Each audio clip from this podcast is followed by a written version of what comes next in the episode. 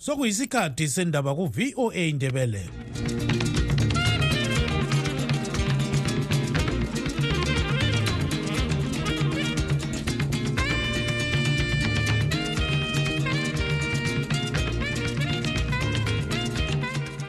lami ngithathele lithuba ngibonga utanono kawande obesipha indaba ngolimi lwesishona. Lingalivuka njani izulu kandaba olamukela emsakazweni westudio 7 ngolwesithathu mhlazi ku-24 zibandlela 2024 nguchris gande. Endabeni sethu lamhlanje ibandla le-ccc lilandula imbiko ethi ibandla lezanu pf selihle lathola izihlalo ezinhlanu ngoba lingancintiswanga kulandela ukususwa kwabamela leli bandla ngumthethwandaba. Lokhu kungamanga izanu-pf ayilasihlalo esisitholile um kube nempumela nje yegalela ikhothi elithi ama-candidates avunyelwa kodwa ngomthetho thina silelungelo loku-aphila-ke e-supreme court. Owayengumsekeli kamgcini isihlalo webandla le-ccc umnumzana job sikhala ulakho ukukhululwa lamuhla ngemva kokuvalelwa kwenyanga ezedlula umnyaka lengxenye nxa engatholakala engelacala. Indaba kasikhala indaba ebuhlungu kakhulu njalo indaba ephumisayo okusegcekeni ukuthi uhulumende okhokhelwa yizanu p f walapha ezimbabwe kakho ukuqakathekisa amalungelo kazulu. Abahlali bakobulawayo bathi kufanele ikhansili yaleli dolobho ivuselele ukusetshenziswa kwesitishi esigaya amandla kagetsi ngamalahle esebulawayo thermal power station ukwenzela ukuthuthukisa ubulawayo. Zonke lezi ndaba lezinye lizozizwa khonapha emsakazweni westudio 7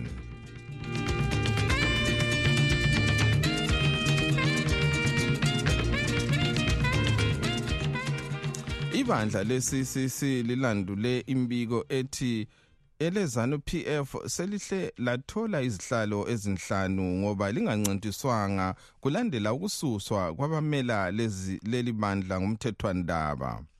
Ugatsha lwezokhetho lwezek lubike izolo ukuba abezanu PF ababemele ukuba ngamakhansili sebehle banqoba ngoba bengancintiswanga.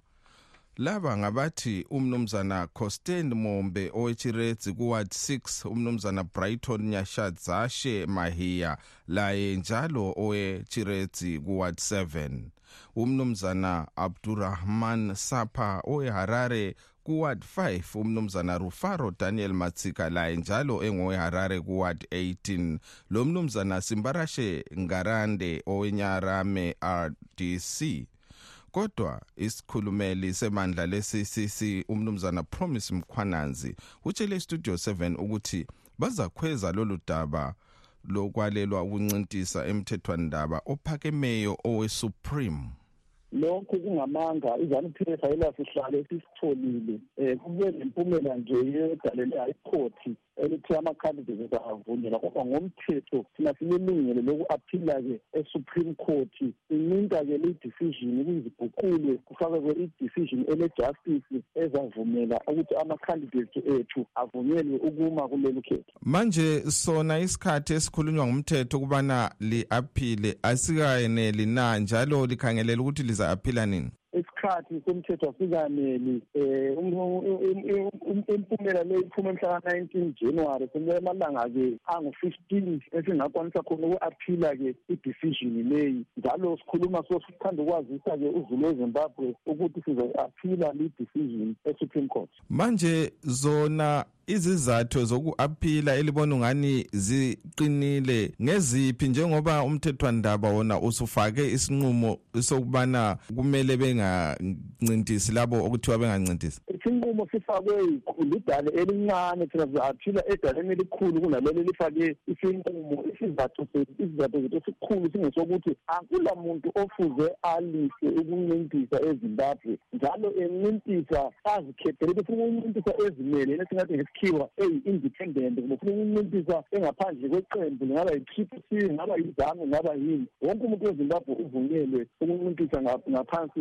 kwesinqumo somthetho ese-constitution yezimbabwe. Ezimbabwe ungakhangela ngo-august 2020 2023 um ukhetho olukhulu olwenziwe ezimbabwe. Um abantu bavunyelwa ukuma abanye baze bama baba babili babili ku-triple c. Kusenziwa yivekhe nale esisalisa abantu ukuma kodwa abantu babekwazi abakhokheli babo. Ngalokho sithi konkhona njengokwenzakala ngo-august 2023 ama-candidates avunyelwe. Nxa isimo emabili mabili kube njalo uzulu uyazazela yena ubukhokheli bakhe abufunayo manje nkutazo bani elipha abalandeli bebandla abafuna ukuthi baye kuvota? Kuyini elikukhuthaza khona ukuthi bekwenze kathesa ikhuthaza abalandeli bebandla labasekeli bebandla labo bonke kugoqela lama-candidates ethu ukuthi belize lonke bekuground-ke bekhankasa bemelele ukuthi sizwe ukuthi i-supreme court iza kuthini sikhangele ukuthi kufuze sinqobe um kulolu daba abantu bethu bavunyelwe ukuncimpisa akukho emthethweni akulunganga akufakwanga emthethweni wethu we-constitution ukuthi abantu baliswe ukuma besaliswe ukuma ngaphansi kwebandla ababefuna ukuma ngaphansi kwalo ubukhokheli balelo bandla bubavumela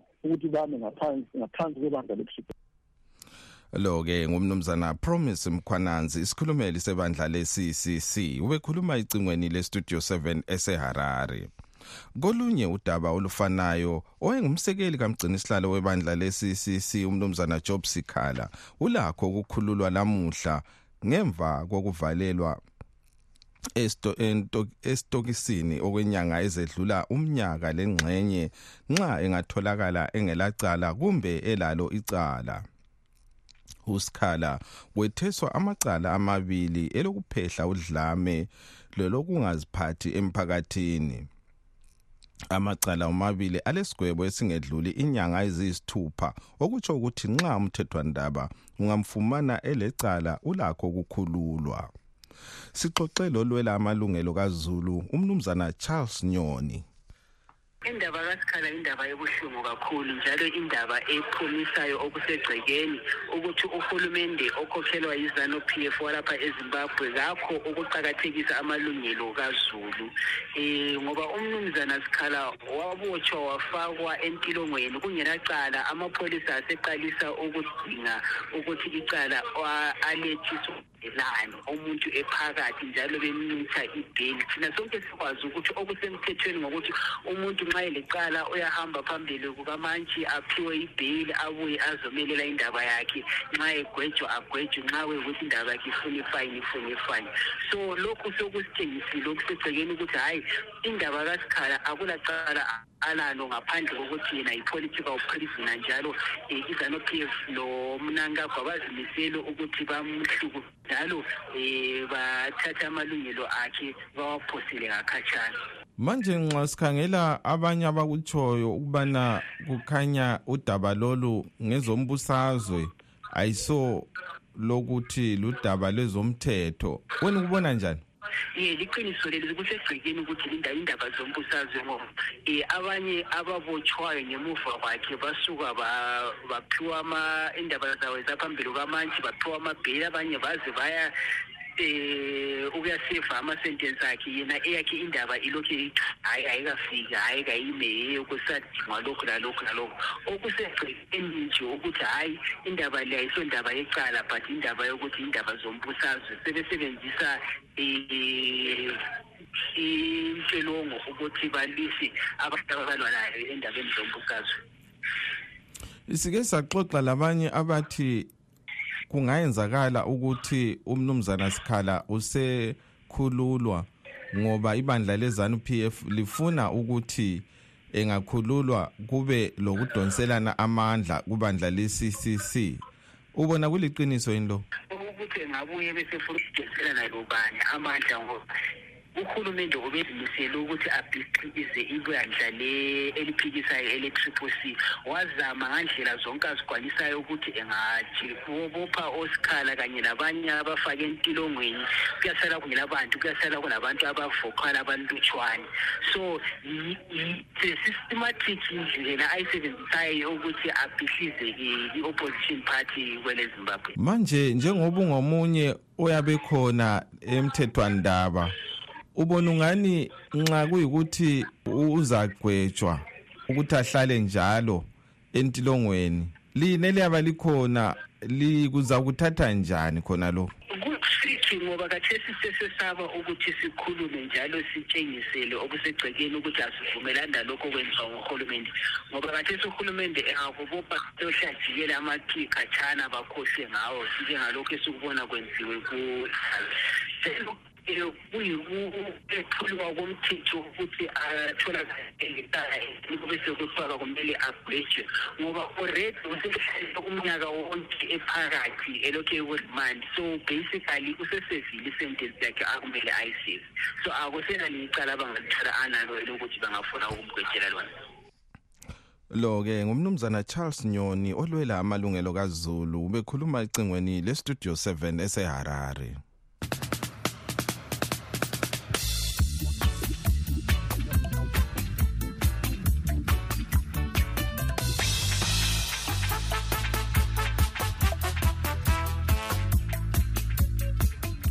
Abahlali bakobulawayo bathi kufanele ikhansili yaleli dolobho ivuselele ukusebenza kwesitishi esigaya amandla kagetsi esibulawayo thermal power station. Imanyene lenkampani ebona ngenhlelo zamagetsi ukwenzela ukuthuthukisa ubulawayo. Lokhu kuphume emhlanganweni izolo lapho obekuthe gwaqa izakhamizi inkampani yamagetsi kanye lekhansili yakobulawayo ukuze kwethulwe impumela yokudingisisa okwenziwa ngamakhansila ngalolu daba. Isitishi lesi esisebenza ngamalahla kodwa ukwathesi singasisebenzi yiso esabangela ukuthi idolobho lakobulawayo laziwe ngokuthi kukontuthu ziyathunqa. Okuningi ngalolu daba sikuzweni kungxoxo osithandekile mhlanga westudio 7 ayiqhubele unkosazana permanent sibanda.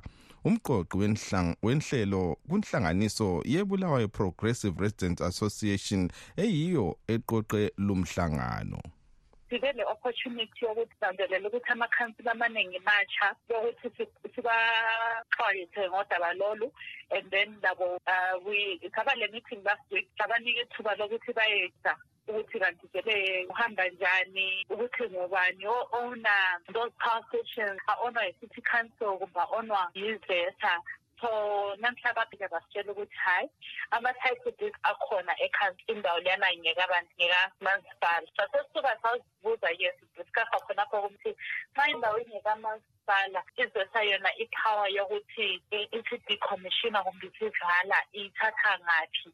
Akumelanga kube ngumasipala yini oyenza nqumo zona lezo hayi khona uzesa kodwa sikhona isinqumo elisithethe na isinqumo ukuthi kumele indaba leyi siqhubeke silungisana um lama-minister uresident sasikhandela ukuthi sizangeja lo minister of um energy um ukuthi sihlale phansi labo sibona kuma-higher offices abo bayithatha njani indaba le? And then sasesivumelana or sasesicela ama-councillors ukuthi beyikhuluma ku-full council. Savumelana ukuthi maybe there is yokuthi njenge ama-experts ama-engineer abaza-assessa indawo lana bebona ukuthi vele yona iyadingakala ukuthi i-decommissionwe or kule ndlela zokuthi inga-revise-wa ukuthi ngama-investor e-investe kuhle so sivumelana ukuthi ama-investigations wona la kumele qale ukuyenzakala ye kahle kahle luqakatheke kanganani lolu daba? Njalo zingalungiswa zizaletha mahluko bani edolobheni lakobulawayo? Singakhangela khathesi kobulawayo kuhlala kulama-power cars sema-power station lena ibisebenza ekhap just that nxa amagesi engekho then khathesi we are relying on ewine. Nxa kungaba le-source ewine ubulawayo kalasho power black out because i-backup izalayo abantu they lose influence even further. Lapha sikhuluma wanaweza é. kufunza é elevate ama employees au elevate phinde sikhulume ngabantu abasebenza ku-industry in other um companies ngoba ama-company aphila ngezesa khathesi twenty twenty four sila se-technology technology. Vele sokutsho ukuthi nxa kungela magesi ama-companies will not see the need to come bezo-investa kobulawayo. Sakwazi ukuthi khathesi substansi lesi sinika ngenxa yokuthi isikhathi esiningi babengela magesi okuthi bephampe amanzi lana abenga kobulawayo. And also ngama-historic landmarks agwa kulawa ukulawa yanzu an sekukhitshiwe sesithi sezingasathuli ngibangikhona what what are you saying about bulawayo also um khathesi awasibona izesikhwezi lama-carrot and kule-danger yokuthi azakhwela even more nxa sokule low supply of i-electricity more abantu befuna ukuzo-investa in bulawayo because at least that sile-backup power and so abantu belemsebenzi labo basebenza and ngasiphelele ukuthi ingabangani banganeno bakuyikuthi sile-form of i-backup ezimaphapho kobulawayo lo ke ngunkosazana permanent sibanda umqoqi wenhlelo zenhlanganiso yebulawayo progressive residents association obexoxa icingweni losithandekile mhlanga westudio 7 ekobulawayo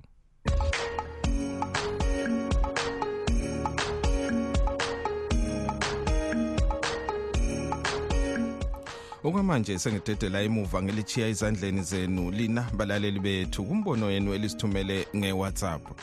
Siyabulisa kustudio 7 siyabulisa kustudio 7 linjani linjani basasazi? Uh, igama lami nginguvusumuzi undlovu laphana ngisuka endaweni yasenkayi khona ngale golitsheni kulamajaha amahle eh bengithanda nje ukuthi ngibe mfishane kakhulu. Le ndoda okuthiwa nguchabangu le ngihle ngihlale phezu kwendaba. Kumhlophe nke ukuthi ithengiwe ngoba akula muntu ongakhipha abantu ethi kuthiwe makuvotwe kahle. Ekwazi kuzothiwa makuvotwe kahle ngoba ma kuvotwa kahle manje umbuzo wami uthi ma kungathiwa kuvotwe kahle izanu p f ngoba saziwa ngokuriga irige kungena abantu be-zanup f uzajabula nalo uchabango ngoba evele ethengiwe nje kuyinto esegcekeni. Ngoba angeke udlale ngerisk ukuthi makuvotwe katsha kufana nokuthi uthi umdlalo webhora mawuqale katsha ithimu eyesiwinile ukuthi makuqalwe katsha ngoba vele bavele barobha nje kwatshontshwa amavoti abantu nje kuphinde kuthiwe makuqalwe katsha. Ma sebewathetha amavoti abantu uzathini uchabango yena livuka nje studio seven? Livuka njani? Hhayi siyavuka thina. Um ngingomeli igwanda ngiyakhala la. Khala lapha ngala laba abalandeli bezanu and amashona ngithi ezeholo ngithi ngikhale ngalaba bantu basempumalanga. Laba abantu basempumalanga sebethethe badoma ingqondo zabantu bakithi. La bantu kwesinye isikhathi esingasingababhekanga banamandla angazi noma banamandla noma banamaqhinga okudoma abantu. Lalela nje lo baba lo kuthiwa ngumalakhi nkomo lokuthi ukhuluma uthini ngezanu p f. Ukhuluma uyayincoma izanu p f yenza lokhu nalokhu nalokhu. Mhlawumbe kuthakathwa lokhu akekho umuntu oright ekhanda. Oright kahle kahle ekhanda. Sorry baba malakhe nkomo ukutsho njalo kodwa ngilokuthi baba vele yikudlala ngesikhathi ngoba hayi umqondo woba ngubaba awukho kuwe. Next eh nje malakhe nkomo sothi malakhe nkomo hayi hayi into oyikhulumayo ma ngozothi wena eh abantu kumele babambane kukhitshwe izijezi khutshwe ijezi zomnotho kufithwe izanu p f thathwe izijezi zomnotho kufithwe abantu basempumalanga amashoni kulungiswe amashoni emashonalend yonke izinto zibe rightly ngathatha ikhompe imashonalend emathebeleni uzabona there is a huge different. Eh sanibonani sanibonani bafowethu eh nasanibonani basakazi nonke. Nje siyanibulisa mthwakazi omuhle nonke bafowethu. Eh ah bengakhuluma bekhulume oJoseph Chuma nabo Gawule nabo laba omalaka inkomo bekhulume bethini bethini beqamba amanga bekhohlisa abantu kodwa kusala ukuthi bonke abantu sebeyakwazi ukuthi vele baqamba amanga izanpf ayikho into eyenzayo. Okugcineni nje kuphela ihlukumeza abantu ilizwe liyaphela kuyinhlekisa lokhwana kuyayangisa kuyanyanyisa okwenzakala ezweni. Amazwe wonke ngicabanga ukuthi wonke akusadeki. Manje ilizwe lakithi yilo lihamba phambili ngokuhlupheka. Kuyanyanyisa izinto ziyakhuphuka ezitolo akuna price control akunalutho omunye nomunye uzenzela umathanda. Ilizwe nje lingelamthetho uma kufika odisemba izinto ziyakhuphuka. Fana kwamanye amazwe izinto sihambe ngomthetho ngendlela okufanele sihambe ngayo khona. Akunamongameli ilizwe lingena-leader liyahlupha kodwa abantu babeloko bekhuluma izinto abangazaziyo. Bafana nabo-obed mpofu nabo-chuma ofana nalo baba lo bathi u-anglison sibanda lo baba lo wambonto uphelele ekhanda futhi angeke bomfundisi nalelo bandla lakhe amsho liyanuka siyabonga singabe siyabingelela siyabonga. Um siyadana kakhulu ukuze usengezo chabango esezenza yena osele party okuthiwa i-triple c. Besicela ukuthi imali ikhuluma naye inormally istudio seven ke limqathanise lo munye umuntu we-triple c ongaba isikhulumeli noma uchamisa ngokwakhe ma uchamisa engekho noma ngubani ongamela i-triple c. Ukuze thi chazele kabanzi ukuthi yena ungu-secretary general wabekwa ngubani njengobana okwakungela ngitsho lama-structure ephathini so yena wazifakwa ngubani ukuthi leso sikhundla sokuthi yena usengu-secretary secretary general olamandla okurekhola abantu abavotelwa ngabantu efaka abangane bakhe. Yena usebenzela izanu usebenzisa amakhoti ngoba amakhoti hhayi ukukhokhisa abantu ethi yena ukhulula abantu u-triple c yena uselesikhundla esokuzibazela. Yena uyinkomo yomdaka akazwa lutho uyi-nothing ku-triple c. So engabodlala ngabantu behluphekile siyabonga. Studio seven studio seven injani kodwa gama nguvusa umuzu mfana kahadeka ubhungane mthimkhulu okumale ngasendaba zintoni hhayi le ndaba yenkayi lena hhayi izisa ubuhlungu impela. Angazi ngabaza ngiyifaniselani ngoba leyo nto abayenzayo laba ayilunganga neze. Yazama ngento eyadlula kudala. Kodwa amanxeba amanxeba. Baqondeni la bantu laba ngento mina sami sisodwa nje ngicela ukuthi abantu bakithi emadebeni sibambane sibambane nje. Singabe sifake amashoni endaweni zethu sivule iphathi kithi emadebeleland benza into la phathi ekusale angeke umuntu lo eh, eloji yakhe angeke ingenele iyathula du studio seven studio seven salibonani salibonani makhiwa mahle salibonani bantu bakankulunkulu. Linjani lonke lonke lonke lapha kustudio lapho linjani libingelelane lonke ngezandla libambane ngezandla. Libe yimi endibambeni kwelibingelelayo tanki ngingabonga kakhulu ngaliphila livuka kuhle lonke. Ngiyalithanda kakhulu lonke. Alithanda abantu bamlimi lonke. Ungane ngifisela impilo ende fisela impilo ende limsebenzi wenu uye phambili. Uye phambili sibili phambili. Noma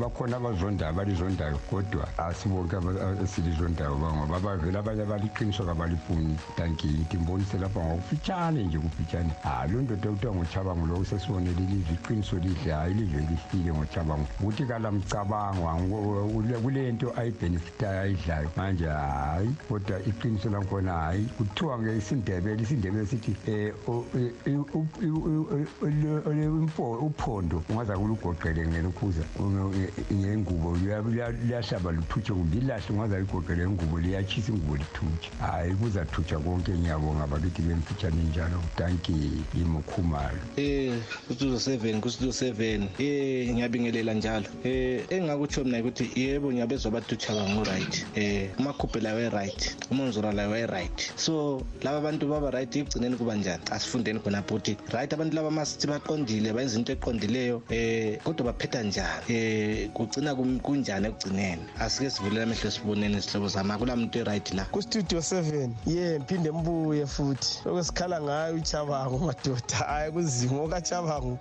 hayi siyamuzwa mpela lapho uteni ulungisa izinto maye sikuzwayo lapha sazi ukuthi iziqinisweni enganani ngoba kuthiwa uhambe ugijima wayikhoti wayeblokha amakhandidate e-triple c kodwa kulawo mawadi kungelabantu. So yikho mina bengikutsho before ngithi lina ezumsakazo kastudio seven. Undoda lo uchaba ngalimbuzi ngendlela okumele abuzwe ngakhona. Hayi uchaba ngalimbuzi masakazi bakastudio seven. Uchaba ngoliyamdlalisa uchaba nje kumele limbuze impela sibone lathi ukuthi liyambuza impela into ezikhona. Hayi lokuthi abesitshela ngebhayibhili beke sitshela ukuthi abantu babhabhathizwa ukubhabhathizwa kubhabhathizwani ngubani ofika yabhabhathizwa ngokuthi ekhethwele isikhundla sokuthi eholi iphathi akudingi ukubhabhathizwa yes or no? Mayebuza umbuzo. Balimbuza ukuthi ochamisa bavuma yes or no? Engabe lokhu esitshela ngento zebhayibhili ezingapheliyo la. Umbuzo ukhonapho yikho mna ngithi kalimbuzi kahle uchabango studio seven studio seven basakazi bethu abahle um nami ngizophawula kancane nje. Um hhayi siyabona um izanu p f iyakhampena straight ngendlela zonke. Um izama ukuthi um ithole lokhu ifuna ukukuthola. Kodwa-ke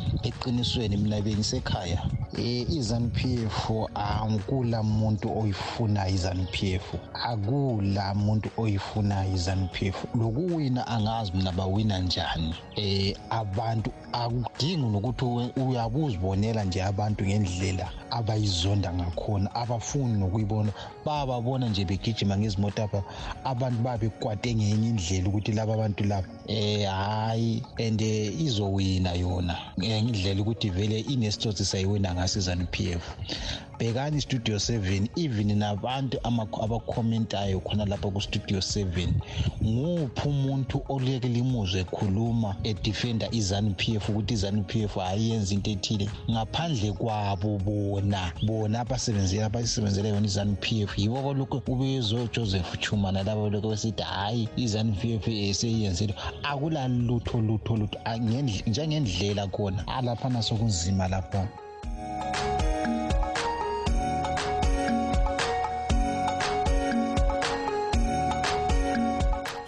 lawo ke bekungamazwi enu lina balaleli bethu elisithumele ngewhatsapp kunombolo ezithi plus 1 202 465 0318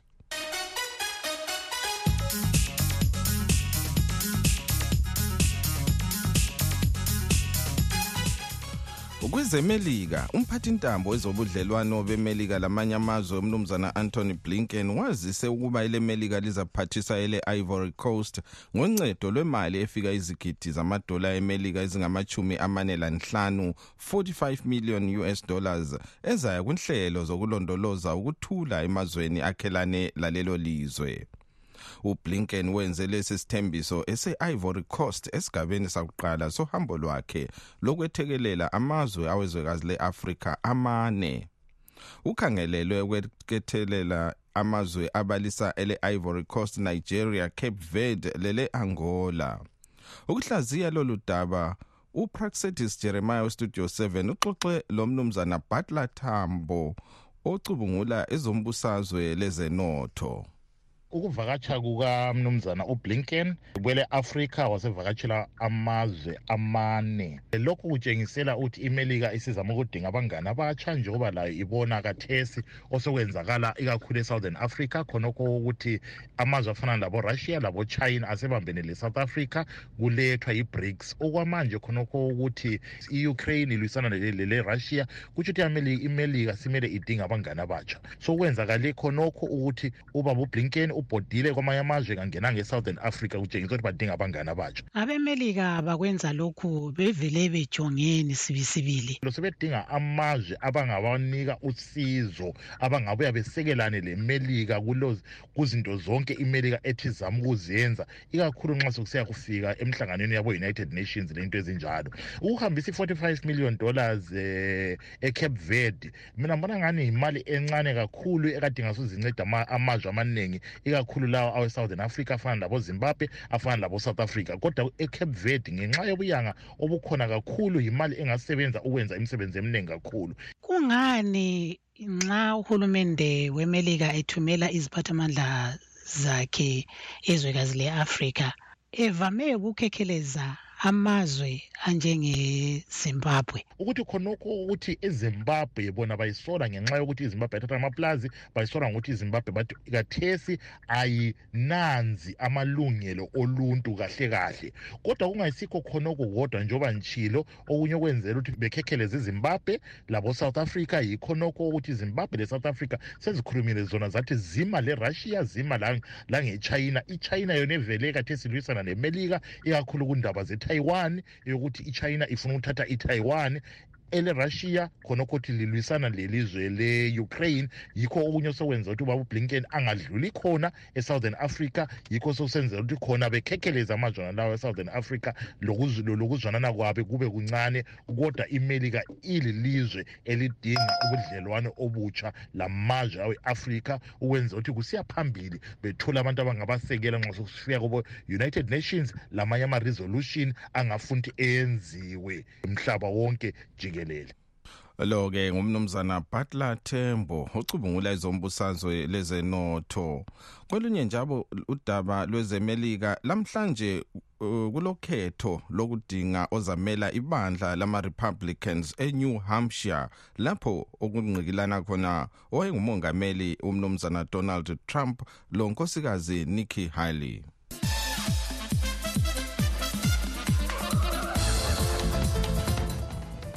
Ake sikhangele ezemidlalo lapho esikhangela khona amaqembu azadlala kusasa kumidlalo yenkezo ye-Africa Cup of Nations. Iqembu leNamibia lizadibana lele Mali ngesikhathi sinye ele South Africa lidlala lele Tunisia. Ele Zambia lizadibana lele Morocco. Emdlalweni wokugcina eletanzania lizadlala lele DRC. Isikhathi kasavumi ukuba siqhubeke sisonke kodwa singakehlukani ke sikhangele ezinye zenhloko zendaba. Ibandla le-ccc lilandula imbiko ethi ibandla lezanu pf selihle lathola izihlalo ezinhlanu ngoba lingancintiswanga kulandela ukususwa kwabamela leli bandla kumthethwandaba wayengumsekeli kamgcini isihlalo webandla le-ccc umnumzana job sikhala ulakho ukukhululwa lamuhla ngemva kokuvalelwa kwenyanga ezedlula umnyaka lengxenye nxa engatholakala engelacala kumbe elalo icala.